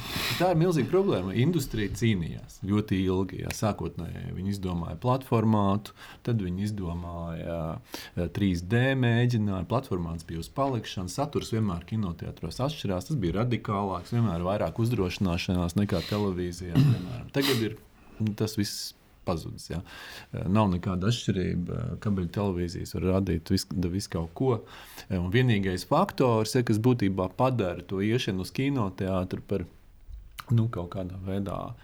Um, atmaksājās, vai nezinu, vērt vai uzmanības cienīgi, ir tas, ka ir iespēja redzēt filmas, kuras vēl nav parādījušās digitāli. Tas ir viens. Tāpēc arī uz vecām filmām īstenībā droši vien negrib, jo tie cinefili viņi tāpat tās filmas zina, var atrast. Un, un, Un savukārt jaunie, jauniešiem varbūt jaunieši var nokļūt arī digitālajā veidā līdz viņām. Bet, uh, nu jā, nu, tas, kas, kas padara kino pieredzi savādāk. Mēs pieminam to tumsu sēdēšanu kopā ar citiem, bet nu, to var arī mācīt. Man liekas, ir viens faktors, kas saucas par uzmanības koncentrēšanu. Es par to, protams, tas ir pilnīgi skaidrs, jā, bet tas nav dots. Jā, tas nav tāds, tas tā kā es tam puikam saku, to jātais rīku vingrošana. Tas nenormāli forši ir, to jādara. Ir, bet, bet daudz ērtāk ir nekoncentrēt to uzmanību. Jā, daudz ērtāk. Bet ir vēl viens lieta, varbūt pamāc novērtēt, kas sauc tikšanās vieta. Mm. Un, tur ļoti svarīgi ir kafejnīca. Man liekas, man ļoti, man liekas, ļoti nepareizi bija, kad Splendīds to filmu no ārā veidoja par tādu elitāru, tādu vīnu klubiņu. Tur pašā laikā, man, manuprāt, kino kafejnīcā vajadzēja būt domāt jauniešiem velospēdiem, nevis nu, jau padzīvošiem advokātiem vai ne, un tam līdzīgi. Un šī visa atmosfēra, tāpat kā teātrī, e, šīs notikums, kas sākās ar foijē un beidzās ar kafejnīcu un ar iziešanu no tā, tā īpatnējā atmosfēra, viņa tā pieredze, vai ne? Šī vakara pavadīšanas, ko nevar, teiksim, dot šis te pats ekrāns mājās. Pilnīgi piekrītu. Tā cinematēkas kultūra tā ir problēma. Kad, nu, Rīgas ir īstenībā metropola ļoti liela pilsēta, bet nu, tas nav īsti. Un kino bīzes mēģina, protams, to darīt, bet tā ir ļoti maziņa vietiņa ja, un, un īstenībā noslēpusies diezgan. Un nevar salīdzināt ar to potenciālo iespēju, ko teiksim, Splendīds varētu.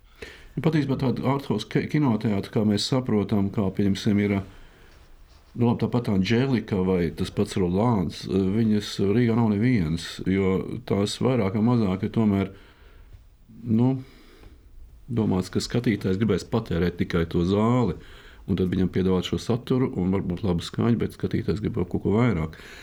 Piemēram, viņi grib ar draugiem vai ne, pēc filmas, vai kaut kur pirms tās filmas satikties. Varbūt vispār uz to filmu neiet, bet tikai iedzert kafiju un paskatīties plakātus. Un, tā tas ir. Un trailers.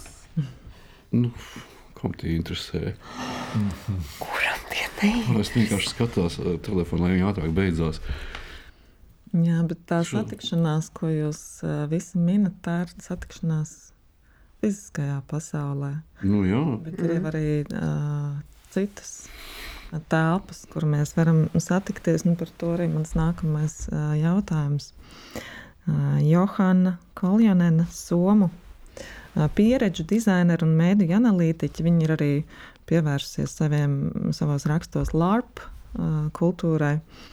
Viņa savā rakstā, kā izskatīsies ilgas un piederība 2021. gadā un vēlāk, tas ir raksts pirms gada tapis, nevis senos laikos. Viņa uzsver to, ka jaunieši, kuri vēl nav sasnieguši 25 gadu vecumu, vienlīdz lielā mērā kā savā reālajā vidē dzīvo arī pasaulē bez geogrāfiskiem parametriem. Turklāt viņiem šī pēdējā mm, pasaule nešķiet uh, neīstāka par pirmo. Tā, tā ir virtuālā komūna, tā ir spēļu realitāte, kas aizņem ārkārtīgi daudz viņu laika, kā arī nosaka lielā mērā viņu kā audiovizuālā materiāla patērētāja intereses. Um, tā kā šī te skaitliski, ir, šī ir skaitliski aizvien pieaugušākā auditorijas daļa. Kā jums šķiet, kā viņus varēs nākotnē aizsniegt? Nu, tie ir divi dažādi mēdīji, un tas nenozīmē, ka cilvēki, kas nu, teiksim, ir aizraujušies spēlēm, viņi ignorētu arī narratīvo mēdīju. Tieši tā, jo, piemēram, tā sajūta, nu, es nezinu, kāpēc vienmēr par jauniešiem ir tāda depresīva, tā sajūta, ka viņi tagad mūs, viņi visu, viņus interesē tikai internets un tā tālāk, un viņi neko negrib, viņi neko neinteresē. Viss TikToks ir pilns ar jauniešiem, kas izrāda savus grāmatas. Nu, ir pat vesels trends par to, ka bookworm challenge, kur skaidrs, ka tu redzi nenormālu daudzumu, piemēram, kas ir apsēst ar grāmatām. Un kliedz visu laiku, jaunieši nelasa, jaunieši nelasa. Nu, Ieej, paskaties Instagramā rīlus, kur viņi izrāda savas grāmatas, un viņi ir izlasījuši kaudzēm, un tad sāc runāt par to, ka viņi nelasa grāmatas. Tas pats ir ar uh, kino, un tas pats ir ar šo. Nu, jo, piemēram, tāds live action role playing, tas bieži vien ir nevis.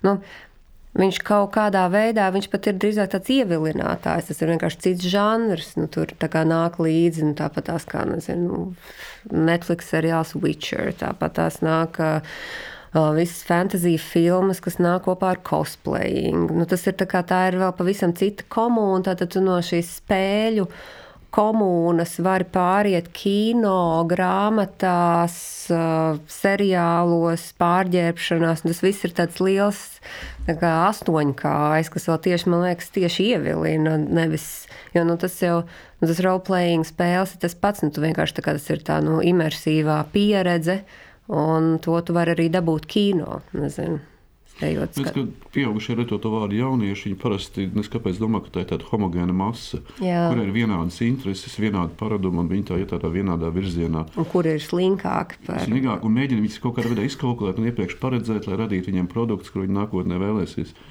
Bet viņi taču ir tāpat tikpat dažādi kā paši tie pieaugušie, arī sadalās nišās, interešu grupos un tam līdzīgi. Nu, tieši tā, nu, tā kā, nu, ja man prasa, nu, vai jauniešiem patīk izlēns, vai viņi viņus saprot. Nu, es taču nezinu, daļai patīk, daļai gan jau ka nepatīk. Nu, tas esmu redzējis ļoti pozitīvas atsauksmes, un arī bijuši tādas, ka nu, tā nu, man ir pārāk. Nu, tāpēc, ka nu, viņi nav, jā, kā tu saki, nu, viņi nav tāda viena masa, kad mm -hmm. man ir tas jauniešu stamp of approval, kā mums patīk. Nu, pat nesenā intervijā pēc Gētas institūta rīkotā antidistopijas kongresa kultūra pētnieks Denis Hanovs minēja, ka mums šobrīd trūkst lielo ideju. Un arī Koljanēna rakstā vaicā, kas ir šobrīd aktuālās abstraktās idejas kopiena, valsts, Eiropa, ticība, cilvēcība, kas var palīdzēt mums apzināties un saprast, pēc kā mēs tiecamies un kas, kam mēs esam piederīgi. Kas ir jūsu viedoklis vai kāds ir jūsu viedoklis? Vai šobrīd kino ir nofiksējams kādas virsidejas un kādas tās ir? Es varētu mēģināt atbildēt, eh, bet eh, es ceru, ka es nesarežģīšu pārāk kā, kā Heidegerists no, no šādas perspektīvas, jo man liekas, ka tagad mēs ļoti skaidri redzam īstenībā to, ko Heidegers rakstīja ļoti, ļoti sen un rakstīja visu savu mūžu būtībā, atkārtoja vienu un to pašu, nu, kad nu, ir nonāca tā rietuma kultūra ir būtībā nu, parādījusi savu, tiksim, nu, seju un to, ka tas, ko Nīčs teica 19. gadsimtā, ka Dievs ir miris un ka tā vietā nekas nav īsti nostājies. Tas ir ļoti sarežģīts un nu, piesāt, pies, piesātināt tēmu, kurai īsti atbildi vai kaut kādu aizvietotāju tam brīvībai, ja, ko dod šī iespēja ja, dzīvot tādā pasaulē. Tā teikt, bez dieva nav atrasta. Jā, mēs esam dzīvojuši nu, vēsturiski, izgājuši cauri ārprātīgām peripētijām, fašismam, un, sociālismam un visādā veidā autoritāriem režīmiem, kas mēģinājuši atrast aizvietotāju. Un tagad mēs dzīvojam tādā sabiedrībā, kur viss ir uh, atļauts būtībā, nav nekādu ierobežojumu, bet šī problēma ir, manuprāt, neatrisināma. Tā ir tāda mūžīga taustīšanās. Teiksim, būtībā mūsu pasaule ir nolēmta jā, tādai nemitīgai taustīšanai. Nu, teiksim, tas, mēs labosim, to, to tas slikti. Tas, tā tas process var, turpināsies bez, bezgalīgi. Es jau vienkārši Jānis grib teikt, ka nu, cilvēks ir ļoti tāds. Uh, predisponēts visādām atkarībām kairinājumiem. Viņš teiksim, atbrīvojies no atkarības no reliģijas, rodas cita atkarības no narkotikām, no azartspēlēm, kas aizņem to vietu. Un uh, galu galā tiksim, galīgi tik no atkarībām vaļā gandrīz vai nav iespējams teiksim, tāpat atkarība. Regulāri skatīties filmas, tas saņem arī atkarību. Nu, es nezinu, reliģija ir grūti eh, nosaukt eh, par atkarību. Tas ir tāds struktūra, kas eh, strukturē tavu pasauli.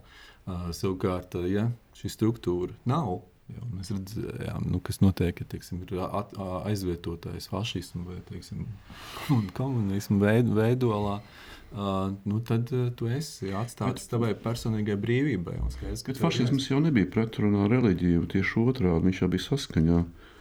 Nu, nekādā veidā. Gotmituns, taču viņi, un atklāt sakot, arī pašlaik, taču, nu, nu, modernā Krievija taču izmanto reliģiju diezgan stipri, vai ne, tādā ļoti politiski, tādā, kā nosauc, autoritīvā virzienā ejot. Uh, Jo reliģija taču piestāv tieši autoritīvām iekārtām. Viņa pat pie sevis ir autoritīva. Nē, nu, Krievija ir atsevišķs piemērs, ja, kas varbūt iet ne tajā virzienā, par ko mēs runājam, rietumu kultūras kontekstā. Viņi meklē kaut kādu savu risinājumu. Kurā virzienā tas aizvedīs, to ir grūti pateikt. Kaut kā Nīčs jau visā ziņā apsveic to dievu nāvi, tā bija būtībā viņš gribēja atbrīvoties no autoritātēm. Uh, Šajā ziņā tas bija tāds, nu, nīķis jau tāds, tas ir tas, ko viņš ar to gribēja pateikt. Ne jau to, ka tas ir negatīvs kaut kas. Nu, ko viņš tagad teikt, dzīvojot šeit? Nu, patiesībā dzīve bez reliģijas ir brīva dzīve. Nē, nē, es, man nav, es negribu kā, es par šo tēmu tieši domājot, jo man liekas, ka tāpat tās nu, ir pietiekami daudz dažādas jaunas reliģijas, kas atklājas ļoti daudz atgriešanās pie pagānisma un vikānu kultūra un spirituālisms un visas šīs dažādās vietas, un cilvēki meklē kaut ko, kas viņus mierina, bet par tām virsidejām. Mm, nu, es nezinu, tīri kino kontekstā, nu, es nezinu, vai tas ir kaut kas, kas ir nepieciešams. Nu, piemēram, skatoties pie Amerikas kult, nu, kino vēsturi, kas nu, vienkārši par to, to atsaucos, es to zinu vairāk, es nevaru runāt par to, ko es nezinu. no, piemēram, skatīties. Um, šīs virsidejas, kāda viņas mainās pirmā, otrā, nu, nevis pirmā, otrā pasaules kara laikā, kā mainās filmas no mēs neiesaistāmies Eiropas karā uz filmām, mēs tagad ejam glābt Eiropu. Un šīs filmas, lai arī viņas nav sliktas, bet viņām nāk pa virsu šī virsideja, kas ir mēs ejam cīnīties un glābt. Un tas ir ļoti kaitinoši. Nu, kad skaties, kā šķiet, kā normāla filma, un beigās Džīns Kellijs tur dzieda, un fonā ir uh, armija un karavīri, un tiek, ka tur ir Amerikas karogi visur plīvi, un liekas, oh, nu, kāpēc? Nu, un tas ir, nu, tā ir, sanāk, tā ir tīra virsidē. Mēs taisam filmas, kurām ir šī konkrētā virsidē brīvība. Uh, patriotisms un tā tālāk. Ir pilnīgi skaidrs eh, tas, ka tiklīdz eh, tas, tas diskurss eh, iegūst tādus plašākus apmērus, viņš kļūst šablonisks un, un tāds sterils un nedzīvs. Tas ir, no, no tā nav mm. iespējams izbēgt. Kamēr nu, viņš tas... atrodas marginālā, radošā vidē, tikmēr viņš ir dzīvs. Ja, tur, tur uh, ir jauda. Nu jā, kad tu sāc atražot jau izteiktu mēsīšu, tad viņš paliek tieši tas, ka tu skaties jau uzsildīt zupu, kas vienkārši nav īsti skaidrs, kāpēc šī zupa tiek atkal un atkal sildīta, jo mēs jau sen to zinām. Nu jā, nu, bet filma jau ir tas, tas, ka filma nevar būt tikai ideoloģija vai izdomāts, gribu taisīt filmu. Par, nu, šis būs stāsts par rasismu, un tad visu pārējo tam pievilkt klāt. Nu, tas ir, manuprāt, tā sanāk. Nu, es to parasti uzskatu par ņirgāšanos par to tēmu vienkārši rupju eksploatāciju. Tev ir redzams, ka tev tas neinteresē. Tev ar to nav pilnīgi nekāda sakara, bet tu esi izdomājis, ka šī ir tā tēma, par kuras runāšu. Nu, es tikko biju, piemēram, jauniešu un bērnu kinofestivālā Vācijā. Tur arī nu, skaties uz to, kā nu, teiksim, tā vecāka gada gājuma vīrieši stāst par jaunu meiteņu ciešanām vai baltādainu vīriešu par rasismu problēmām. Nu, ir skaidrs, ka šīs filmas ir radītas tieši ar vienu mērķi, būt uh, aktuālām un kaut kam pieslieties. Bet, nu, kāpēc tev tas ir svarīgi? Kāpēc nu, nav atbildes arī bieži vien tiem veidotājiem? Vispār kaut kā parasts, kad saka, ka krīžs saka, ka man interesē tas un tas, man liekas, ka kaut kas fakes ir. Jo nu, nu, kaut kā nu, nav tā, ka tev interesē, teiksim, pasaules problēmas, un tagad tu izdomājies, ka vislabākais ir to šo pasauli uzrunās un mēģinās viņu padarīt labāku caur savu filmu. Man interesē kaut kas cits. Man interesē, man interesē kas, kā veidojās šis stāsts no nekā, kā dzimst no absolūti no nulles, kaut kas taustāms, vai nu, uz, ko var uzskatīt par jau kaut kādu dzīvi savu uz ekrāna. Šis tas dzimšanas process ir tas interesantākais.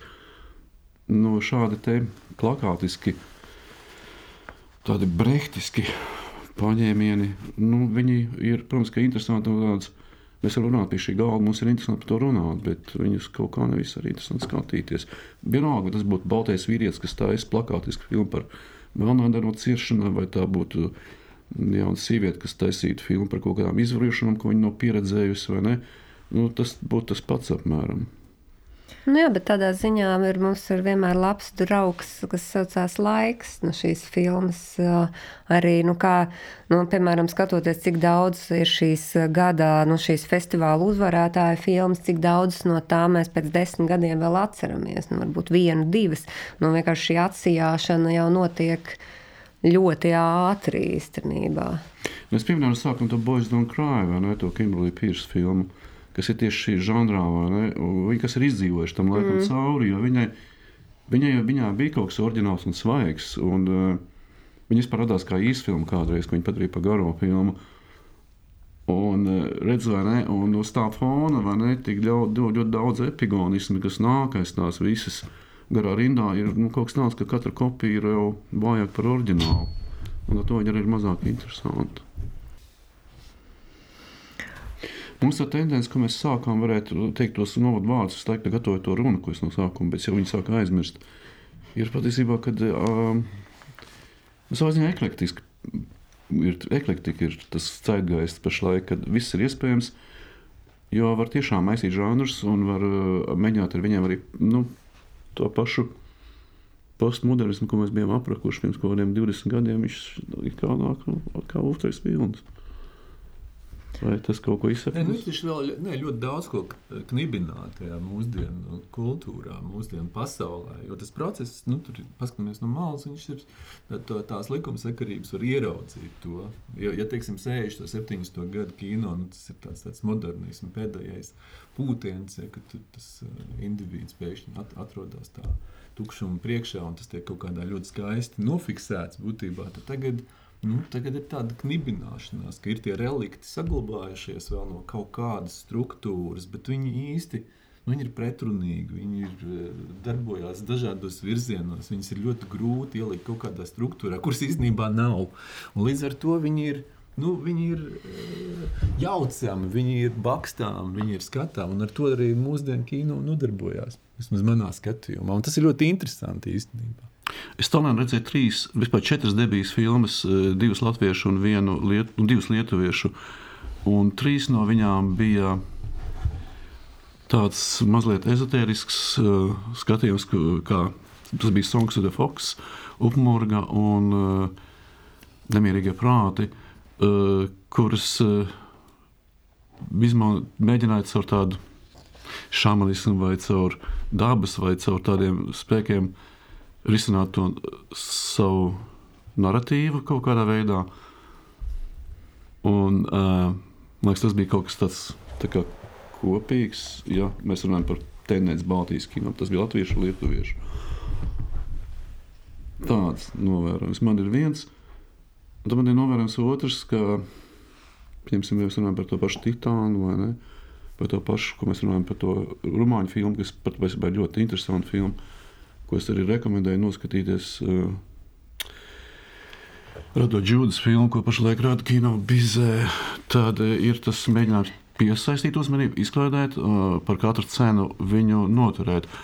Un ir kaut kāds otrs virziens, kā filmas, jūs zināt to fāzeru, ko es minēju, no, jā, mm -hmm. vai to pašu lēmu, kas tieši otrādi viņas ir ieņēmuši ļoti lēnu ritmu, tādu citu pilnīgi metronomu, kas iet absolūti pretēji. Mm nu, divi pretpoli, tā kā Iņa un Jāņa, vai ne? Viņi, viņiem ir kaut, kas, ir kaut kāds tāds tukšums, kas nav piepildīts. Un uh, varbūt tajā tukšumā arī radīsies kaut kas jauns, kas, uh, par ko mēs vēl nezinām. Tie bija tie vārdi, ko es gatavoju visu laiku.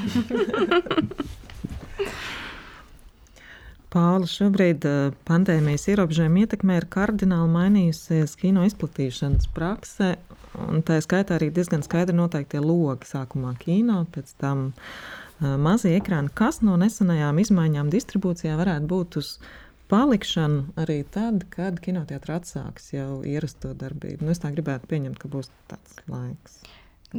Tā kā pieņem, ka principā viņi ir atsākuši savu darbību tikai mazliet mazākā mērogā, kapacitātē.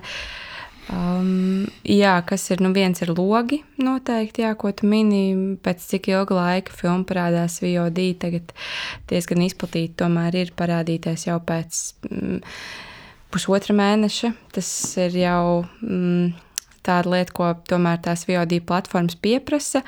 Es domāju, ka tas ir saistīts arī ar to, ka patiesībā tās filmas bieži vien nenoturās ilgāk repertuāros šobrīd, jo ir, piemēram, šajā brīdī mm, kinoteātros ir ārkārtīgi daudz jaunas filmas, un līdz ar to katra jauna, kas ienāk, noēd skatījums iepriekšējai, tā viņas izkrīt ārā no repertuāra un nonāk uh, VOD platformās.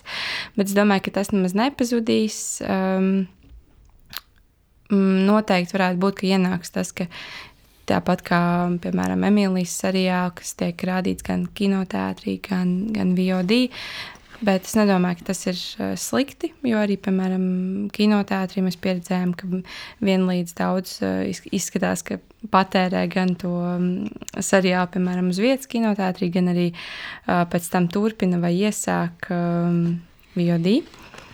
Mm, kas, kas mainās, mainās tu domā tieši par to periodu, kad viss būs labi. Ja? Mm -hmm. Mm -hmm. Es domāju, ka līdz tam vēl ir jātiek, un, un, eh, un šobrīd, piemēram, ir grūti patiesībā veidot tādus izplatīšanas iepirkumus, jo nav jau īsti skaidrs, kad tās filmas varēs izplatīt, un visi grib to mistisko labo laiku, kad būs tie daudzie skatītāji. Un, eh, un tādā garā, bet uh, mēs nezinām, kad tas nāks. Iespējams, ka 22. gada pavasaris būs uh, ārkārtīgi pārsātināts kinoteātris repertuāros un pēc tam arī VOD. Mm. Domāju, ka vēl kaut kādas izmaiņas sekos, kas, uh, kas vēl šobrīd nav notikušas. Piemēram, tas, ka iespējams vairāk tiks strādāts, nevis iepirkt, piemēram, filmu konkrēti uz Latviju vai uz Baltiju, bet uz plašākiem reģioniem, jo tas kļūst aktuāli. Uh, platformām, kas negrib, piemēram, meklēt izplatītāju katrā konkrētā valstī. Viņi grib iegādāties filmu uzreiz uz visu teritoriju.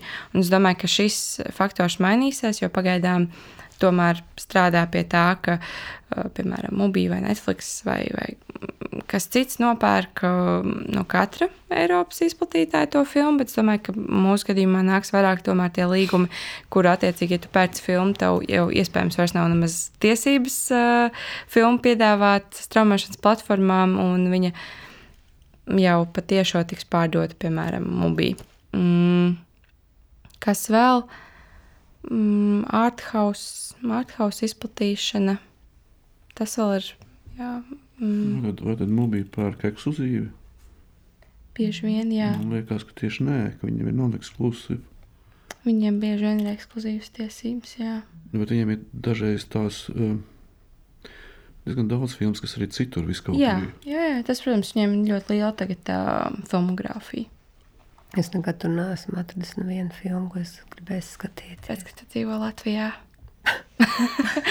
Piedod, bet jā, piedāvājums, teiksim, Anglijā ir krietni iespaidīgāks. Es domāju, ka mums vēl līdz tam jātiek Latvijā ar pārāk maz skatītāju šai platformai. Es gribētu atkal atgriezties pie Zviedru Nostradamiem, pie viņa ziņojuma, kurš tātad savā nākotnes projekcijā paredz, ka dažādi formāti un pat dažādi mēdīji daļēji saplūdīs, radot jaunas iespējas daudz platformu stāstniecībai, radošajiem talantiem un šo te jauno tehnoloģiju ekspertu grupām. Vai jūs liecaties piekrist šādai tādai tehnokrātiskai vīzijai, ka tā kino nākotne ir ļoti saistīta tieši ar šīm novitātēm? Nu, šaubu nav. Es domāju, ka, ka, ka kaut kas tāds eh, norisināsies eh, nākotnē. Nu, tas būtu naivi eh, domāt, ka tā kino skatīšanās praksa, kādu mē, kā mēs to zinājām bērnībā un arī pat salīdzinoši nesenā pagātnē, nemainīsies nākotnē. Un es domāju, ka tur noteikti būs kaut kāda moderna tehnoloģija nopietnāka integrācija tajā skatīšanās pieredzē, un lai cik tas sāpīgi arī nebūtu, arī ceļš projām no kinoteātra. Kinoteātra droši vien nepazudīs kā pilnīgi un galīgi, bet, bet, bet nu, tā loma noteikti samazināsies. Bet tas otrs elements ir baigi dīvaini. Tas pamata elements, vai ne? Um, balts ekrāns tumsā 120 gadus jau ir nemainīgs. Viņš ir gājis visiem tādiem līkločiem cauri, un tur ļoti dīvaini, ka kaut kas tik ļoti noturīgs var būt. Jā, bet nav bijuši e, tādi. Saka, draudi tik milzīgi kā tagad. Man liekas, ka tas ir kā tā mega filma, ko Netflix e, nesen producēja par 300 miljoniem, kas netiek nemaz kinoteātros um, izrādīta. Nu, praktiski ļoti minimāli, bet pat taisno Netflixā. Un tad izrādījās, ka tomēr tam Netflixam vajag tās savas filmas rādīt, lai viņi pretendētu Oskariem un tā tālāk, un uztaisīja pašu savu kinoteātri. Tomēr izrādās, ka arī pat Netflixam vajag kinoteātri. Jā, bet, bet tas ir cits jautājums, bet jautājums ir par to, par to izrādīšanu. Ja? Tas vairāk ir tāds checkmarks, tāpat kā nu, reklāmas industrijai, lai kanām pieteiktu marginālus darbus, ko neviens neuzdrošinātos rādīt klientiem, vajag parādīt tos kaut kur pusnaktī. Tad arī līdzīgi darbojās Netflix šajā gadījumā. Viņiem tas nav būtiski, tā kinoteātris, tie skatītāji. Viņiem pietiek, ka ir ziljons skatītāji viņa Netflixā, kas ir gaidījuši šo blockbusteru, noskatījušies, un kinoteātris vairs nav būtisks. Nu, Kinoteātris ir nu, ļoti nu, būtisks mārketinga ierocis, jo kinoteātris rada to saucamo word of mouth. Kinoteātris rada kritiķu rakstus, kinoteātris rada tādu notikumu sajūtu, viņš piedod tam visam diezgan daudz, diezgan bieži jau tas filmas ir tandēmā. Mēs laikam, pirmo reizi Latvijā izlaidām Ielas Ozoliņas dotais Lielums man māte tieši tandēmā paralēli vienā dienā kinoteātris kopā ar online. Tie absolūti nebija nekāda pretruna. viņi ļoti labi simbiozē darbojās. Tā kā varbūt arī tāda funkcija ir, vai ne, kad kino tāds turpinās to saucamo viedokļu veidotāju lomu, ka, mm. kamēr teiksim, šis te mazais ekrāns jau turpinās šo nu, to pamatlomu, ne, piebarot nepiebaramos, kā nepiebarojamos, kā nepiebarojamos. Nu jā, un vēl jau arī tas, ka nu, tā šī dažādo tehnoloģiju apvienošana nu, nedrīkst pa zemu novērtēt to, ka cilvēkiem ļoti patīk vilkt to segu savu pusi. Viņus to apvienošanos nemaz nav tik naski, teiksim tā. Ka katrs grib turēt to savu lauciņu sev un atsevišķi. Piekrīt. Vispār man pārsteidz mūsdienas, kad ir. Nu, es varbūt, varbūt neesmu arī tas cilvēks, kurš būtu baigi dziļi par to interesējies. Es nedzīvoju nec, nu, tādā mētī pasaulē vai ļoti.